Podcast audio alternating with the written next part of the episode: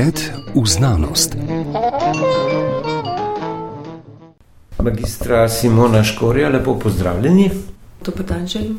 Danes bomo govorili o tem, na kakšen način je skupina vas restauratorjev, Miha Pirnat mlajši in eh, še Andreja Ravnikar, ki delujeta v okviru restauratorske delavnice Narodne galerije, bi pa v okviru moderne galerije restaurirala in zato dobila tudi Šubicevo priznanje Društva restauratorjev Slovenije za restauriranje, konzerviranje določenih slik Fortunata Berganta, najbolj znamenitega slovenskega baročnega slikarja 18.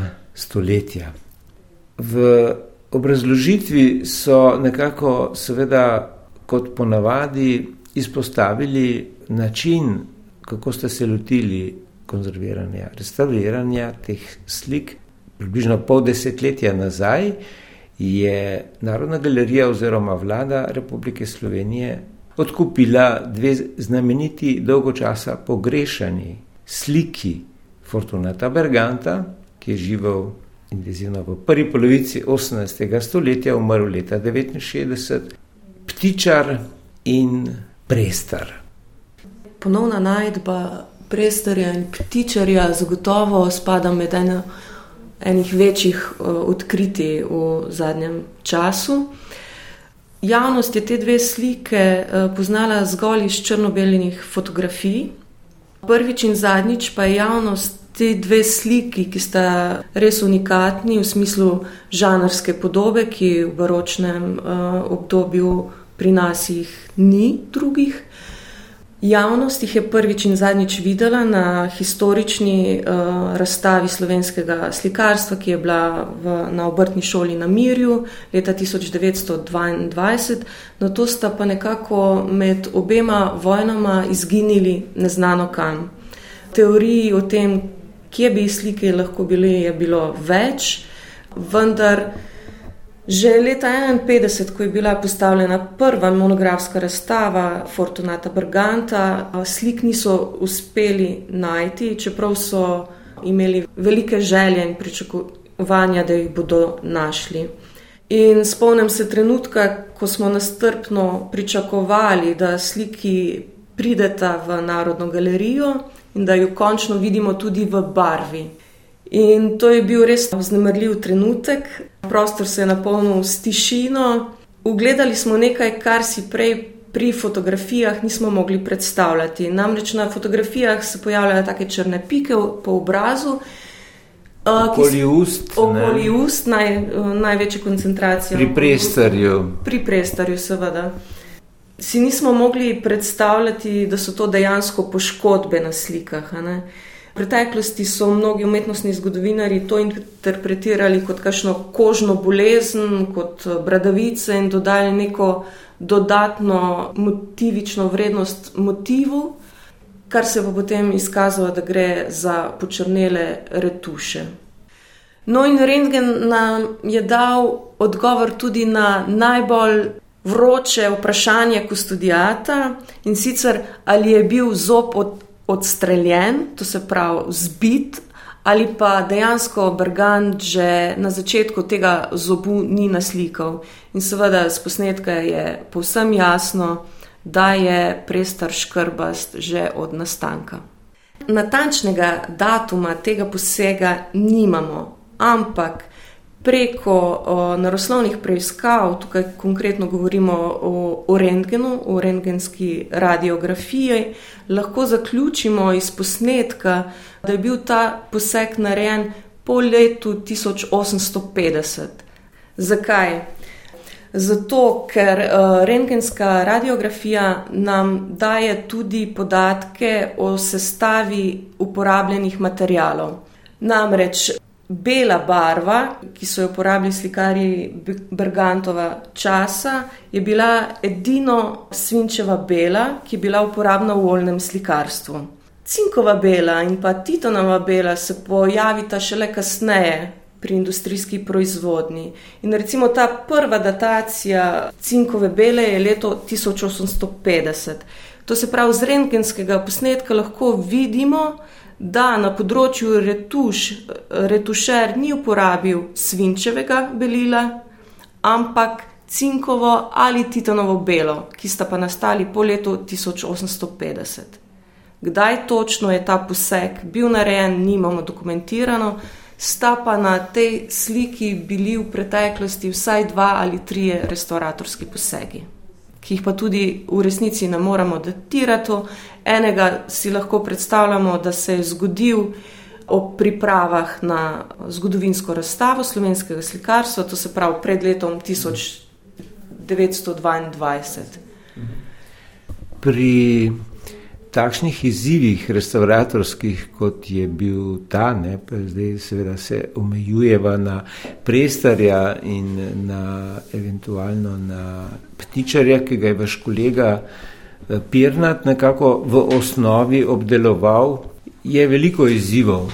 Med drugim eh, prej omenjene luknjice okoli us, ki so jih imeli za kraste, izpuščaje, tudi karkoli ste zato zaprosili strokovnjake iz Forenzičnega inštituta oziroma tistega zavoda policije, ki se ukvarjajo z tem, ne, zato da bi nekako izvor teh luknic izvedeli. Ne. In nekako okviren odgovor je bil, da to ne bi bilo kaj. Seveda nas je zanimalo, nekako splošna interpretacija bila, da je do teh poškodb prišlo zaradi streljanja šibrovko. Nas je pa v resnici zanimalo, kaj se je zgodilo. Zato smo na pomoč poklicali kriminaliste, ki so sprva imeli idejo, da bi mogoče bili še kakšni ostanki smodnika na hrbtu slike. Samo vzorčenje je pokazalo, da teh ostankov ni več. Na to smo razmišljali naprej, kako bi lahko nekako ugotovili, na kakšen način se je to zgodilo. Zato smo pripravili model slike, ki je bila sestavljena na enak način kot original. Na to pa je kriminalist z različnimi in streljnim orožjem, in pa z nekimi ostrimi ali pa bolj zaobljenimi predmeti poskušal poustvariti poškodbe. In glede na to analizo smo nekako potem lahko zaključili, da seveda ne moramo z gotovostjo potrditi, da je šlo za strele, ampak glede na morfologijo in pa grupacijo poškodb, bi le te lahko nastale z nekim ročnim streljnim orožjem, to se pravi šibrno pištolo, naprimer, z razdalje krajše od desetih metrov z izstrelki kalibrov med 3,5 in 6,35 mm, glede na velikost eh, luknjic, ki so skoncentrirane okoli usten portretiranca. Zadnja desetletja je za restauratorje, konzervatorje vedno bolj značilno, da iščejo tako imenovane neporušne metode. Kaj od tega ste tukaj, glede na to, da predpostavljam, da uporabljate neporušne metode, uporabljali pri analizi in seveda potem konzerviranju, restauriranju? Konkretno pri sliki prestarja smo uporabili več neporušnih metod, ki so hkrati tudi zelo uporabne eh, na splošno na področju restauriranja štefelajnega slikarstva. Ne. Seveda, prvo je vidna svetloba, s katero lahko glede na različne kote osvetlitve dobimo neke informacije, ki nas lahko napeljajo na nadaljne potrebe po raziskavah. No, potem, če gremo po tem spektru naprej, recimo v krajše valovne dolžine, imamo ultraviolično svetlobo, ki nam pokaže, kaj dejansko se je dogajalo na sami površini slike. Konkretno pri ptičarju in prestorju smo lahko videli uh, retuše, preslikave in pa nanose lakov, ki so bili narejeni po uh, nastanku originalne umetnine. Zelo uporabna metoda na splošno pri baročnem slikarstvu je rentgenska radiografija, kjer z X-žarki nekako prežarčimo celo sliko in dobimo različne rezultate. Konkretno pri tej sliki se je na rentgenu lahko videlo lepo, da imamo kot prvo ohranjeno originalno napenjanje slike, kot drugo smo lahko videli, da je na zgornji letvi pod okvirja nenovadno velika črvojedina, to se pravi rov, ki je dolg skoraj 16 cm in ima izletno luknjico v premjeru v najširšem delu celo enega centimetra. In seveda potem nas je začelo zanimati, eh, za kateri lesni insekt gre. Hkrati smo videli, da slikar ni predstavljal kompozicije, da je odslikal prvo, kar se drugače lahko opazi pri kakšnih drugih njegovih umetninah. In s rentgenom smo lahko tudi videli dejansko velikost poškodb uh, samega tkanega nosilca. Potem smo uporabili tudi IR fotografijo oziroma reflektografijo, ki je na drugem delu spektra vidne svetlobe, s katero ponovadi ugotovimo, ali si je slikar prej malo zarisal z grafitom ali z ogljem, da je sledil barvnimi nanosi, česar pri Bergantu nismo opazili. Nam je pa IR fotografija pokazala obseg poškodb barvne plasti, ki je nastala zaradi kemične reakcije podloge in pa barvnih namazov. Za analizo pigmentov smo uporabili tudi XR, XRF, še eno najporočno analitično tehniko, s katero lahko določimo posamezne elemente, ki so v periodnem sistemu in glede potem na njihovo razmerje. Določimo pigment, seveda v kombinaciji tudi z drugimi metodami, kakor je ramanska uh, spektroskopija, ki je zelo hitra in pa zanesljiva metoda, ki se pa nekako analiza dogaja na nivoju vibracij molekul. Potem smo uporabili tudi neporušni vtir spektrometer, ki nam je dodatno potrdilo ali pa vrglo neko identifikacijo pigmentov. Za neke natančnejše analize ali povprašanja, ki se, um, se pa sproti pojavljajo tekom restauriranja, smo pa potem uporabili tudi porušne metode.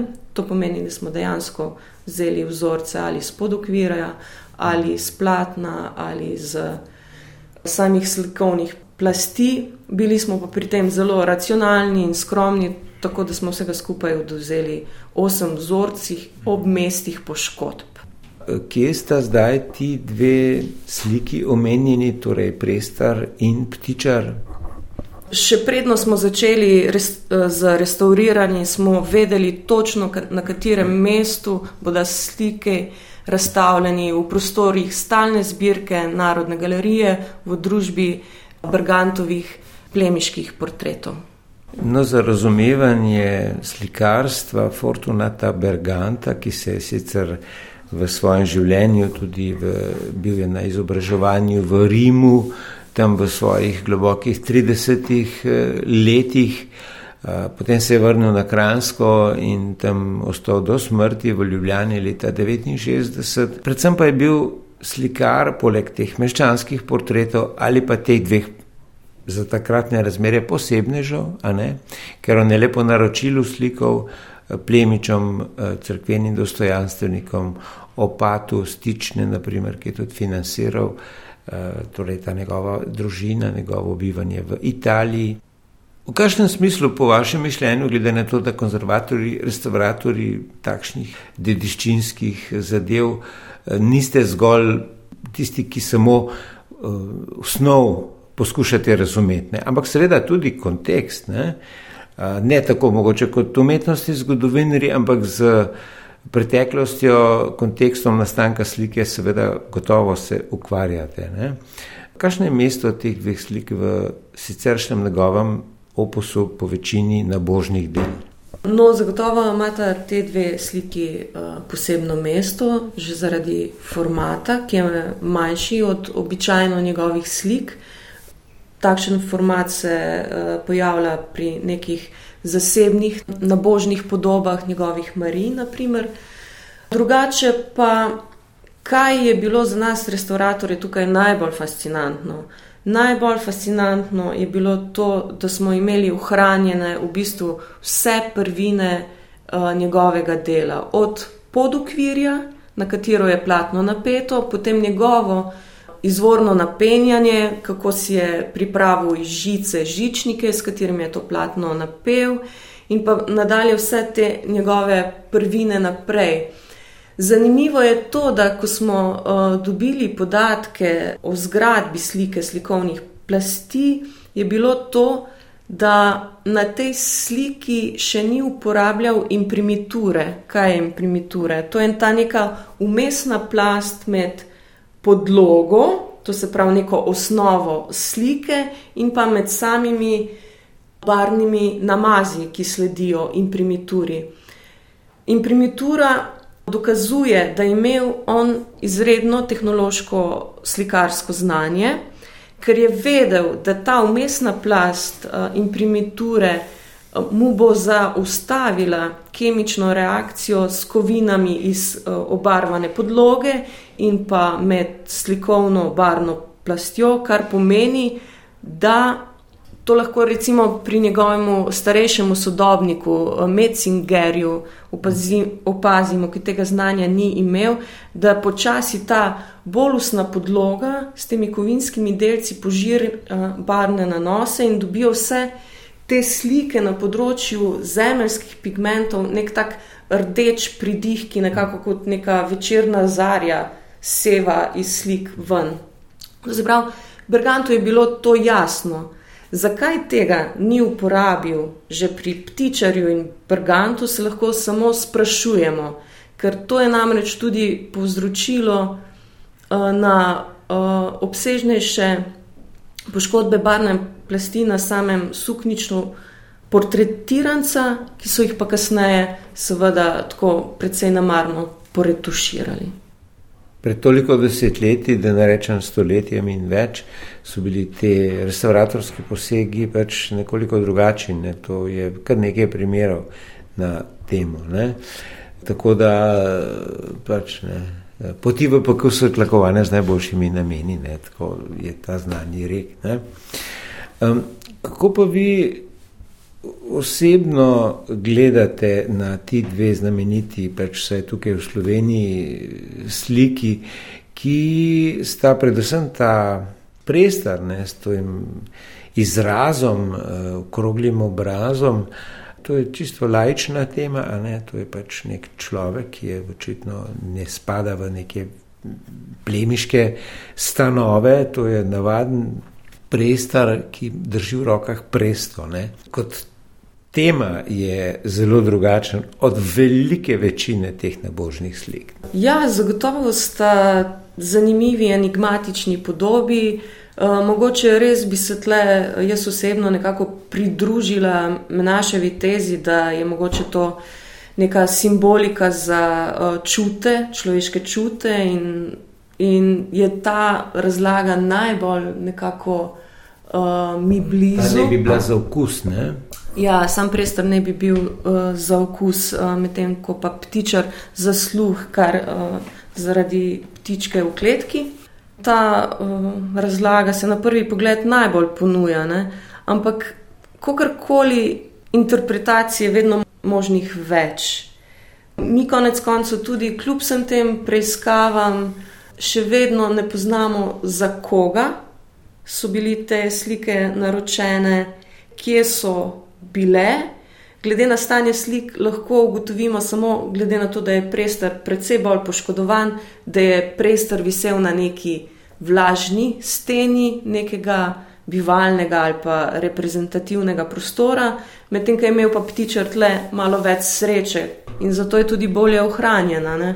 Kdo so ti ljudje? To so seveda neki ljudje brez imena, neki ljudje, ki so na robu družbe, ampak sestavljajo del družbe. Ali je to zdaj uh, bilo naročeno, da so kot simbol ali kot posmeh ali karkoli, je pa tudi tako, da premalo poznam družbeno uh, dogajanje v drugi polovici 18. stoletja na Kranskem, da uh, bi lahko dala neke natančne izjave okoli tega. No.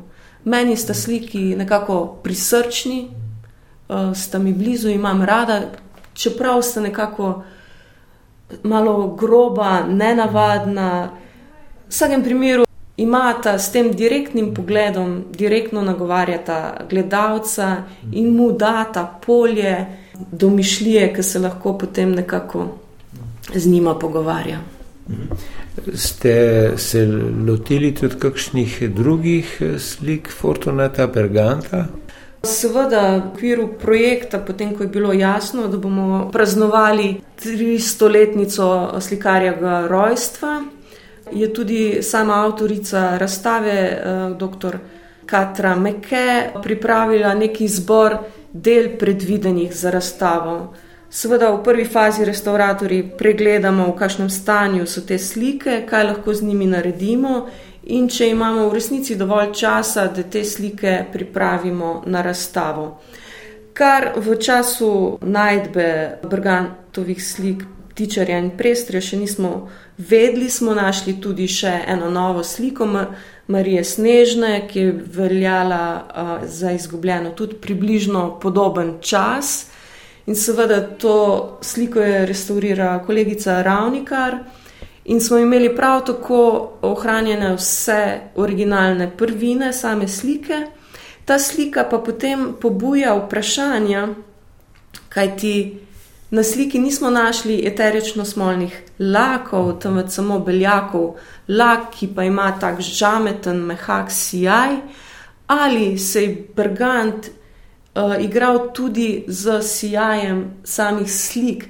Ker namreč velja neko prepričanje, da baročne slike so bile vse visoko sjajno lakirane, glede na to, da je bilo takrat v modi tudi visoko sjajno kitajsko pohištvo in da to nekako gre skupaj v upremo prostora, če govorimo o nekih trgovskih, meščanskih uh, naročnikih.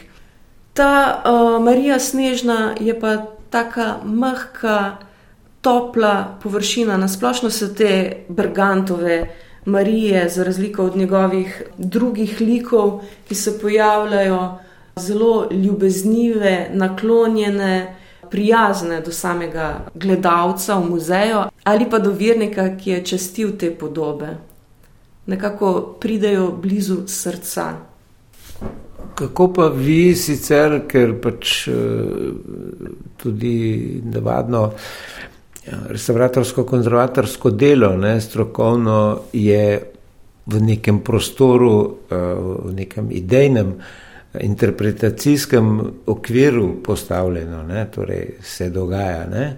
In eh, že Jakobič, pa menda že tam konc 19. stoletja, so Fortunata Briganta imeli za najbolj slovenskega baročnega slikarja. Ne. Kaj govori v prid te opredelitve? Ja, to se navezuje na izjavo Richarda Jakobiča, ki je prav na tej razstavi leta 2022 mandal skliknil pred sliko uh, zamaknjenja svetega Frančiška Asiškega, da je to vendarle naš človek, ne? da ima nekaj, kar je nam sorodno in da je fajn, da je fajn duši govorijo. Ja, je, seveda v teh delih za crkvene naročnike, vsi ti svetniki so nekako ljudski, so blizu običajnemu malemu človeku, ki hodi redno na bogoslužja. To niso neke vzvišene nebesne figure, ampak se z lahkoto prepoznamo v njih. Ne? Njegovi liki na teh podobah nimajo perfektnih obrazov, ampak imajo tudi izbuljene oči, zamaknjeni čeljusti, nekako so tako nekako na trenutke že groteskni, mogoče tudi strašljivi. Nekako v njemu je videti vse te palete življenja, ki so to maurico življenja, ki obstaja.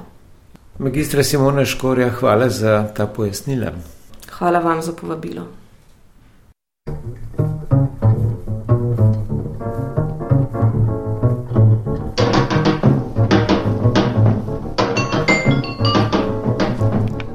Pogled v znanost.